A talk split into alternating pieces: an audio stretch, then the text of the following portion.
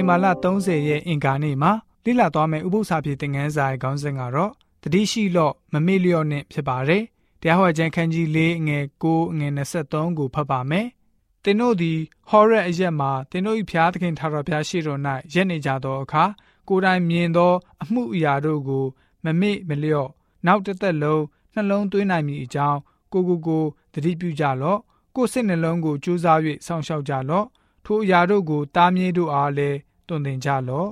သင်တို့၏ဖျားသခင်ထာဝရဘုရားသည်သင်တို့၌ထားတော်မူသောဗြိဉ္ဉ်တရားကိုမေ့လျော့၍သင်တို့ဖျားသခင်ထာဝရဘုရားတားမြစ်တော်မူသောအရာတို့၏တဒံရှိသောယုတ်တုကို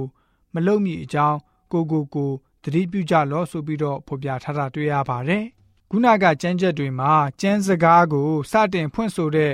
ကရိယာနံနှလုံးပါရှိနေပါတယ်။နှလုံးသွင်းသည်ဆိုတာနဲ့မမေ့မလျော့ရှိနေသည်ဆိုတဲ့ကရိယာနှလုံးပဲဖြစ်ပါတယ်။ဖျားရှင်မိတ်တော်မူတာကတော့ နှလုံးသွင်းလော့ဒုမသာမမေ့မလျော့နိုင်မည်ဖြစ်မည်ဆိုပြီးတော့ဖြစ်ပါတယ်။ဖျားရှင်ပြောတဲ့စကားတော်တွေနဲ့ဖျားရှင်ဟာသူတို့နဲ့ထားတော်မူတဲ့ဗြိဉ္ဉ်ကိုမမေ့မလျော့ပဲနှလုံးသွင်းထားကြပါဆိုပြီးတော့ဖြစ်ပါတယ်။နှလုံးသွင်းပါဆိုတဲ့ကရိယာပုတ်ကို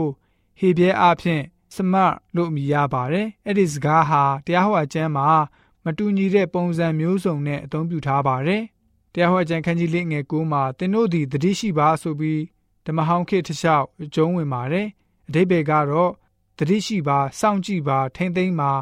ကောက်ွယ်ပါစသဖြင့်အတိပ္ပယ်ရှိပါတယ်။အထူးစိတ်ဝင်စားချက်ကတော့အပြစ်မဝင်မီကတည်းက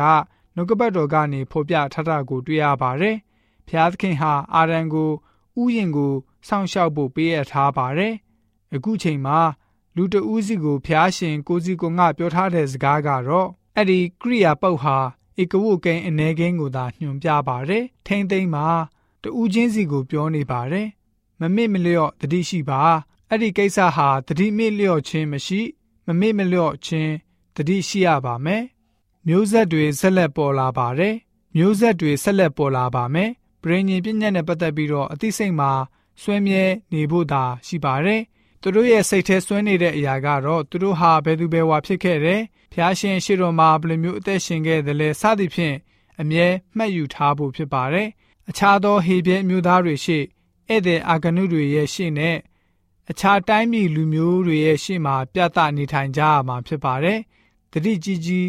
ထားဖို့လိုပါလိမ့်မယ်။တရားဟောအကြံခန်းကြီးလေးငယ်၉ကိုပြန်ပြီးတော့ဖတ်ပါမယ်။ တင်တို့သည်ဟောရက်အရက်မှာတင်တို့၏ဖျားသခင်ထာတော်ဖျားရှေ့တော်၌ရက်နေကြသောအခါကိုယ်တိုင်မြင်သောအမှုအရာတို့ကိုမမေ့မလျော့နောက်တစ်သက်လုံးနှလုံးသွင်းနိုင်မည်အကြောင်းကိုကိုကိုသတိပြုကြလော့ကိုစိတ်နှလုံးကိုကြိုးစား၍စောင့်ရှောက်ကြလော့ထိုအရာတို့ကိုတားမြစ်တို့အားလည်းတွင်တင်ကြလော့ဆိုပြီးတော့ဖြစ်ပါတယ်မောရှိပြောခဲ့တဲ့မမေ့ရန်ဆိုတဲ့အရာဟာလမ်းလွဲပြီးတော့မသွားကြဖို့စကားနဲ့တထရောတည်းမကြပါဘူးနောက်လာနှုံသားတွေကိုတွင်တင်ဆုံးမဖို့ မျိုးဆက်တစ်ဆက်ပြီးတစ်ဆက်ကိုလက်ဆင့်ကမ်းတင်ပေးဖို့ပြောနေတာဖြစ်ပါတယ်။သာသမီတွေကြားရယုံတက်တက်မဟုတ်ပါဘူး။အလွန်အရေးကြီးတဲ့အကြောင်းမှတ်သားလက်လျှောက်ကြရမှာဖြစ်တဲ့အကြောင်းပဲဖြစ်ပါတယ်။ဖះရှင်ဟာသူတို့ကိုဘယ်လိုမျိုးကာကွယ်စောင့်ရှောက်ခဲ့တယ်ဆိုတာကိုထက်ခါတလဲလဲပြောပြပေးရခြင်းကတော့လူသားတွေမမေ့မလျော့ကြဖို့အတွက်ဖြစ်ပါတယ်။ဖះရှင်ရဲ့ကြည့်ရှုဆောင်မခြင်းအကြောင်းကိုဖះရှင်ရဲ့ရွေးချယ်ခံလူမျိုးတွေကို အကြောင်းထက်အောင်ပြောဆိုသတိပေးပြီးတော့မမေ့မလျော့စေခြင်းမှာအဲ့လိုမျိုးပြန်ပြီးတော့ပြောနေခြင်းဆိုတာကအကောင်းဆုံးနည်းဖြစ်ပါသလားဖះရှင်ဟာကောင်းမြတ်ပါတယ်ဆိုတဲ့အကြောင်းကိုအခြားသူတွေကိုပြောပြဝေငှယုံနဲ့တင့်အတွက်ကောင်းမြတ်ကြောင်းကိုသင်သိရှိဖို့ဖြစ်ပါတယ်ဖះရှင်လမ်းပြပို့ဆောင်တော်မူခဲ့ခြင်းတွေကုညီမဆခြင်းတွေကိုမိမိတို့ရဲ့ဘဝတတာမှာမမေ့မလျော့သွားကြစေဖို့အတွက်အင်္ဂါနေ့ဥပုသ္စာဖြစ်တဲ့ငန်းစာကဖော်ပြပေးထားပါတယ်